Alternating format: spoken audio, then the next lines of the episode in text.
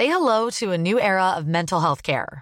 Cerebral is here to help you achieve your mental wellness goals with professional therapy and medication management support. 100% online. You'll experience the all new Cerebral Way, an innovative approach to mental wellness designed around you. You'll get a personalized treatment plan from a therapist, prescriber, or both in a safe and judgment free space. Your cerebral therapist or prescriber will outline a customized plan with clear milestones along the way so you can get to feeling your best. With Cerebral, you're not alone in your mental health journey. We're here to empower you to live a fulfilling life. So take that first step towards a brighter future and sign up today at cerebral.com slash podcast and use code ACasts to get 15% off your first month. Offer only valid on monthly plans. Other exclusions may apply. Offer ends July 31st, 2024. See site for details. Wow. Nice. Yeah. What you're hearing are the sounds of people everywhere putting on Bombas socks, underwear, and t-shirts made from absurdly soft materials that feel like plush clouds. Yeah, that plush. And the best part? For every item you purchase, Bombas donates another to someone facing homelessness. Bombas. Big comfort for everyone. Go to bombas.com slash ACAST and use code ACAST for 20% off your first purchase. That's bombas.com slash ACAST. Code ACAST. Hörni, sommaren är snart här. Och för vissa av er innebär det sola, bada och piña colada. För andra av oss småbarnsföräldrar till exempel så är man kolloledare och eventbyrå som söker svar på barnens “Vad ska vi göra idag?” och så rådar man ihop mat för ett kompani dagarna i ända. Logistik och inte så mycket piña colada där inte. Det kan också vara att man ska tillbringa semester med partnern där kommunikationen knakar i vardagen. Det blir ju extra tydligt nu när man ska vara lediga ihop. Eller så är du den där singelpersonen vars alla vänner åker på familjesemestrar ihop. Det finns en massa dilemman som jag tänker att vi sätter tänderna i och tillsammans klurar vi ut hur vi ska snacka snyggt med varandra under semestern. Det här är Elaine Eksvärd, din retorikexpert i lurarna. Idag räddar vi semestern. Det här är Snacka snyggt.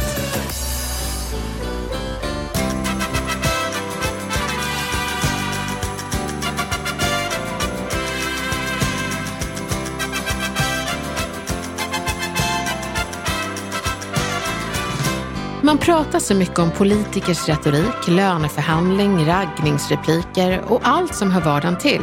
Men alldeles för sällan om semestersnacket. Där är det skralt med information. Så därför bestämde vi oss att ägna ett helt avsnitt åt det här.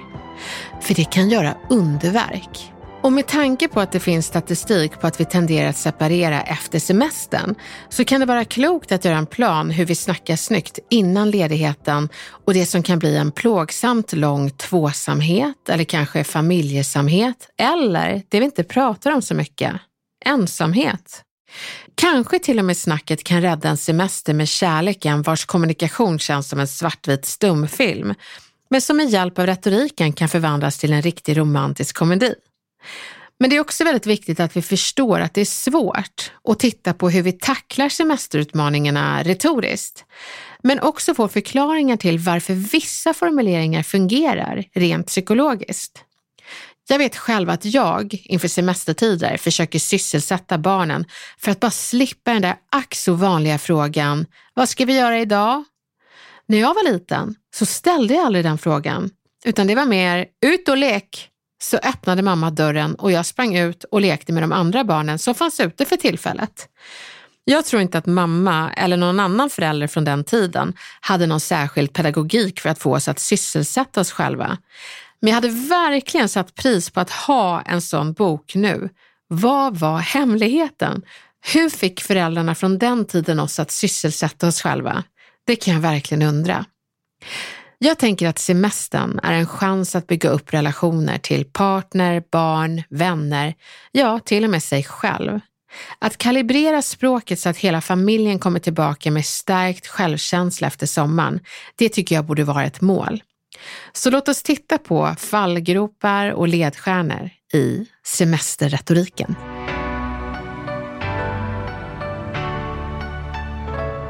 Semestersnack med barnen. Jag tänker att semestern är en chans att bygga upp relationer till partner, barn, vänner och ja, sig själv. Tänk att kunna kalibrera språket så att hela familjen kommer tillbaka med stärkt självkänsla efter sommaren. Det vill man ju.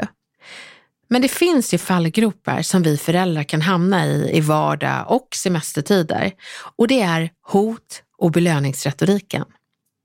Man kan förklara en konsekvens istället för att hota. Och det kanske låter lite krångligt, men psykologer har förklarat det som att ett barn som inte städar upp efter lek kanske får hotet “nu blir det ingen lördagsgodis”. Men det är en bestraffning som inte är konstruktiv. Det är som att vi vuxna skulle ge varandra plötsliga bestraffningar utan förvarning eller förståelse i förloppet. Så vi ska inte bestraffa utan mer uppmuntra barn att städa så att vi hinner äta lördagsgodis sen. Sker inte städningen så förstår barnet varför eftersom du har ju berättat vad som händer om det inte städas. Det är inte ett hot, det är en konsekvens. Så det är bättre att man pratar i konsekvenstänk och konsekvenser ska vara tydligt för barn redan i förväg. Annars blir det en plötslig bestraffning. Barnet har då en valmöjlighet. Till exempel så kan du säga om du städar undan på ditt rum så hinner vi se film och äta lördagsgodis. Det är konsekvensförberedelse. Men straff det är att säga om du inte städar undan så kommer du inte få äta lördagsgodis. Här har vi hotet. Så undvik hot och belöningsretoriken, men lär barn konsekvenser. För sånt är livet. Det är fyllt av konsekvenser, men det fina är att du som barn har ett val.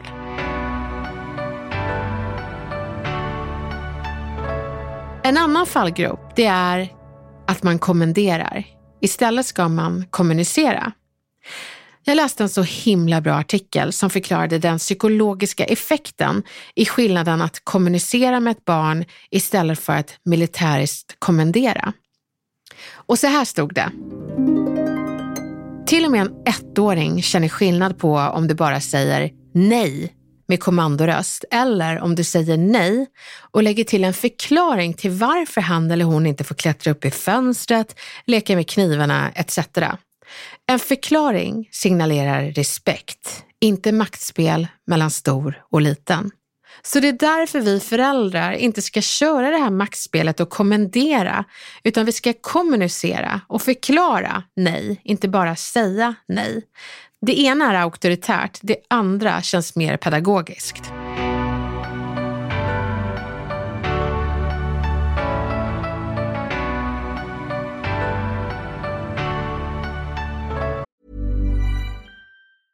Hey, I'm Ryan Reynolds. Recently, I asked Mint Mobile's legal team if big wireless companies are allowed to raise prices due to inflation. They said yes. And then when I asked if raising prices technically violates those onerous two year contracts, they said, What the f are you talking about, you insane Hollywood ass? So to recap, we're cutting the price of Mint Unlimited from $30 a month to just $15 a month. Give it a try at mintmobile.com slash switch. $45 up front for three months plus taxes and fees. Promo for new customers for limited time. Unlimited more than 40 gigabytes per month. Slows. Full terms at mintmobile.com. Wow. Nice. Yeah. What you're hearing are the sounds of people everywhere putting on Bombas socks, underwear, and t-shirts made from absurdly soft materials that feel like plush clouds. Yeah, that plush. And the best part? For every item you purchase, Bombas donates another to someone facing homelessness. Bombas. Big comfort for everyone. Go to bombas.com slash ACAST and use code ACAST for 20% off your first purchase. That's bombas.com slash ACAST. Code ACAST. Positivt språk istället för negativt. Har du tänkt på att ibland när folk gör fel så kan man peka på det som personen gjorde fel och liksom ge sig själv skäl att sura på grund av felet? Man liksom osar kvar där och ställer frågor som varför lyssnar du inte på vad jag säger? När man istället hade kunnat säga kan inte du vara så där bra på att lyssna som du brukar vara? Det skulle göra mig så glad. Jag testade faktiskt att skruva mitt språk mot det positiva hållet med våra barn och jag upplevde att vi fick mycket bättre stämning och kommunikation. Så ibland när vi frågar oss själva varför barnen inte gör som vi säger, så borde vi fråga oss själva varför vi inte pratar positivt. Åsa Fagerström som är medicinjournalist skrev något så himla bra som jag tycker är så bra när vi föräldrar pratar om våra barn med varandra när barnen är närvarande. Det kan låta så här, skrev hon. När vi går igenom veckan för att se vem som ska hämta på dagis, varför låter det ofta så här? Ja, jag kan inte på tisdag, torsdag eller fredag. Varför inte istället säga, jag vill gärna hämta på måndag och onsdag. Då får barnet uppleva sig som uppskattat istället för att känna sig som ett ständigt problem. Ja, för jag tänker så här, hur många gånger förhandlar man inte i vardagen kring, ja men när kan du hämta? Nej men jag kan inte då, då får du hämta. Alltså att man lägger sån dålig energi kring hämtningen av barnen. Och så här suck, ja ja, jag hämtar väl då. Nej men tänk bara när, om man skulle prata så kring vänner. Jaha, ja men eh, kan du träffa henne då eller? För jag kan inte. Ja, fast okej, okay. ja men då får jag göra det då. Och Det är därför jag tycker det är så himla härligt att liksom snegla på gränslandet till psykologi för att se vad effekten blir av vissa retoriska formuleringar. Därför behöver vi liksom titta dit och jag är så tacksam för de här experterna som skriver alla de här smarta sakerna. Nu jädrar Åsa, så ska vi prata positivt. Så i fortsättningen så tänker jag att istället för att berätta allt man inte kan, så berätta när du kan. Istället för att säga, nej jag kan inte leka med dig just nu, besvärat. När barnen frågar under semestern så säger du, Ja, vet du, jag vill jättegärna leka med dig om 30 minuter. Så när stora visan står på sexan så är jag liksom, då kommer jag rusande. Vad ska vi bygga? Jag ser fram emot att leka med dig efter jag har jobbat klart. En sån enkel grej man kan förändra.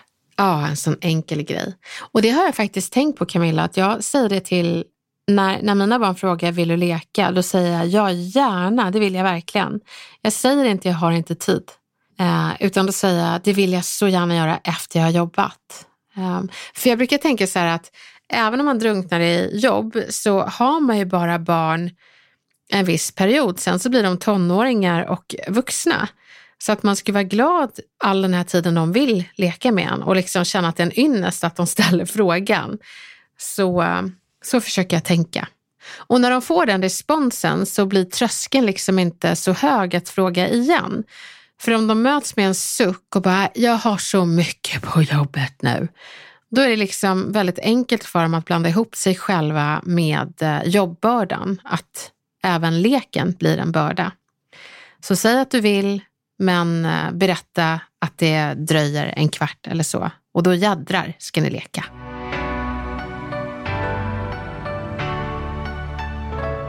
Nu måste vi gå över till partnerretoriken. Jag vet inte varför det här blir två väldigt vanliga fallgropar i semestertiden. Men det är dels att förhandla till sig att göra något för att den andra fick göra det en annan gång.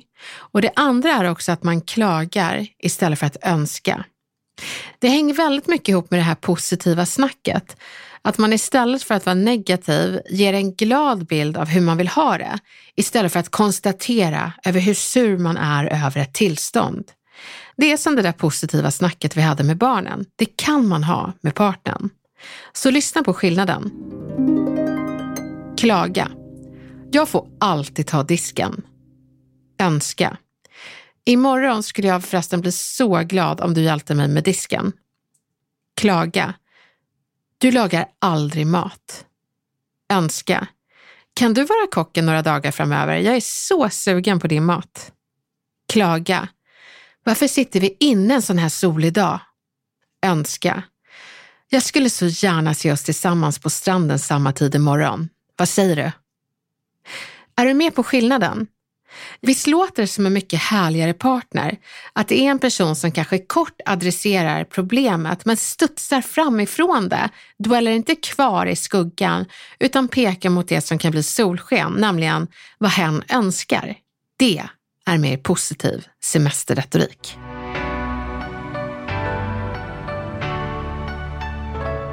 Ha ett semesterråd innan semestern. Det är bra att förväntningar och önskningar berättas så att din partner inte ska behöva vara besviken på dig. Vad kan man göra då? Jo, det är viktigt att berätta förväntningar och önskningar på semestern till sin partner och familj. Gör man det så minskar man risken för besvikna miner i ledigheten. Sitt ner tillsammans och ha ett semesterråd. Berätta helt enkelt vad ni önskar er, vad ni hoppas ska finnas och också hur ni tillsammans ska jobba för att komma dit. Jag tänker på min goda vän Lisa. När hon blev chef för en ny avdelning så bad hon alla anställda att fylla en vägg med post-it-lappar kring hur de ville att hon skulle vara som chef och vad de önskade att hon skulle undvika. Hon tittade sedan på väggen fylld av färgglada post-it-lappar, såg alla önskningar, flyttade några som hon kände att hon inte kunde infria och lät de som hon tyckte att hon kunde uppfylla vara kvar. Det blev tydligt vad de kunde förvänta sig från henne och ingen behövde bli besviken. Så tänker jag att man kan göra som familj. Höra allas önskemål högt och lågt för att berätta vad som går och vad som inte går. Då går alla in i semestern med rätt inställning och rätt förväntningar. Risken för besvikelse minskar och chansen till en härlig semester ökar.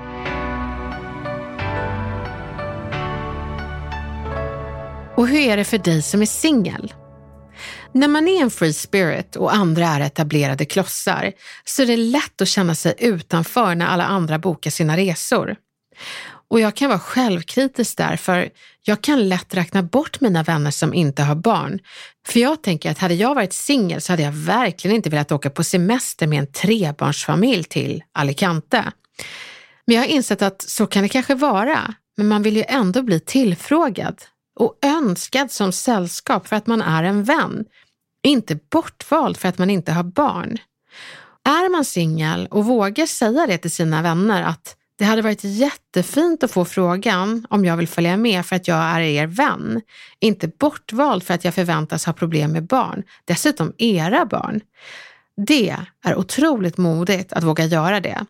Och jag har en vän som vågade göra det och jag är så tacksam. Och jag måste säga att semester med en kompis, min man och våra tre barn, det är bland de bästa semestrarna jag har haft. Vi är inte vänner med folk efter relationsstatus, utan kompisstatus.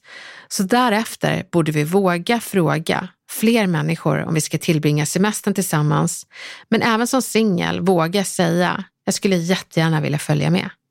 Sen tycker jag det är väldigt viktigt som singel att inte känna sig själv som tredje hjulet. Det är liksom samhället som har byggt upp det där med fåniga parmiddagar och familjesemestrar. Alltså, vi borde verkligen se det som att vi är personer som hänger tillsammans. Våga bryta de här märkliga reglerna som vi bara följer utan att veta varför. Du är ju du för att du är du och vi umgås med dig för att du är underbar. Så se dig själv aldrig som en börda när du frågar, får jag haka på? Utan se dig själv som ett gott sällskap. Elaine, vi har fått ett dilemma på dagens tema. Berätta. Det handlar om en man som vill övertyga sin fru. Lyssna här. Hej Snacka snyggt! Min fru är sugen på långresa till värmen i sommar medan jag gärna skulle köra en Sverige runt. Det finns så många platser jag aldrig sett här i Sverige som jag verkligen skulle vilja se. Jag har inte lyckats vinna över henne på min sida än men jag tänker att det borde finnas bra knep och argument. Hit me! Tack på förhand, David. Åh, det där semesterdilemmat David, sån himla bra fråga. Vilka par känner inte igen sig i den här situationen? Alla gör ju det. Jag försöker tänka själv. Jag vet att Gustav har liksom försökt övertyga mig att vi ska köra en roadtrip genom USA med alla barnen, coast to coast. Nej men det är nog att åka från liksom Älvsjö till Solna. Eh, ska jag då från kust till kust i ett helt annat land? Alltså, men ska, behöver det ske nu? Han kanske menade liksom i framtiden. Nej, han menade faktiskt för några år sedan när vi precis hade fått Pascal. Så då snackar vi en femåring, en, eh, vad blir det, tvååring och så lilla bebis. Jag tycker det lät som en mardröm. Ja, det låter ju inte lätt alltså. Nej, och jag tror... Hur tänkte han? Jag tror han tänkte på hur det skulle kännas att hyra en bil han ville hyra och känna liksom eh, foten mot pedalen och jag vet inte, dammet genom öknen. Han hade, han hade nog en helt annan bild. Vi har ju pratat om priming och han hade liksom primat bort mig och barnen och levde i någon sorts eh, fokus med bilen och gasen. Så att jag fick lite påminna honom om hur verkligheten ser ut. Så det var faktiskt på en väg till, till en destination i Stockholm så jag tänkte, hur lång tid tog det här och hur lång tid kändes det? Tänkte då coast to coast och då var Gustav övertygad. Men nu ska vi inte vara bittra David, för jag tror att du kan övertyga din fru att äh, köra en Sverige runt. Och då tänker jag att du ska fundera på vad din fru tycker om och hitta de här eh, guldkornen i Sverige som gör det motiverat att ni sätter dem som prickar i kartan som ni ska besöka. Är hon en gourmand och älskar mat? Gillar hon shopping? Um, eller är det liksom vyer av landskap? Så hitta de destinationerna och pitcha in varje plats och berätta inte att det är Sverige, utan visa några bilder först. Att jag har tänkt på den här platsen och den här platsen, skulle vilja se det. Um, och, och sen så kör jag liksom en vändning och berättar, det är en roadtrip i Sverige. Vad säger du?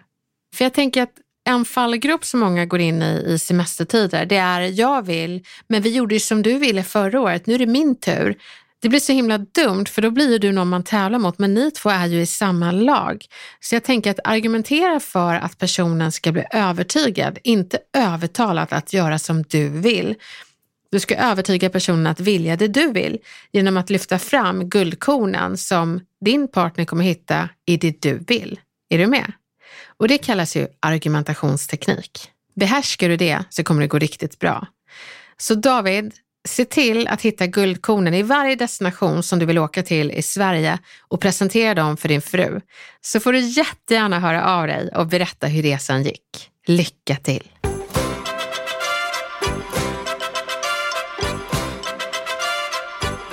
För att sammanfatta. Jag förstår att det inte är helt lätt att göra semestern perfekt. När många är utvilade och glada efter semestern så finns det vi småbarnspäron som känner att semestern börjar när jobbet och förskolor och skolor drar igång. Den där dagen då vi lämnat barnen är vi som kor som får komma ut på grönbete för första gången. Men jag tänker, vore det inte härligt om vi kände så när semestern faktiskt började? Utmanar vi oss att snacka lite snyggare och lite snällare med vår familj och vår partner så är jag säker på att vi närmar oss en semester på riktigt. Nu har du verktygen för att ro hem ett riktigt skönt sommarlov. Lycka till, ha en skön semester så hörs vi snart igen.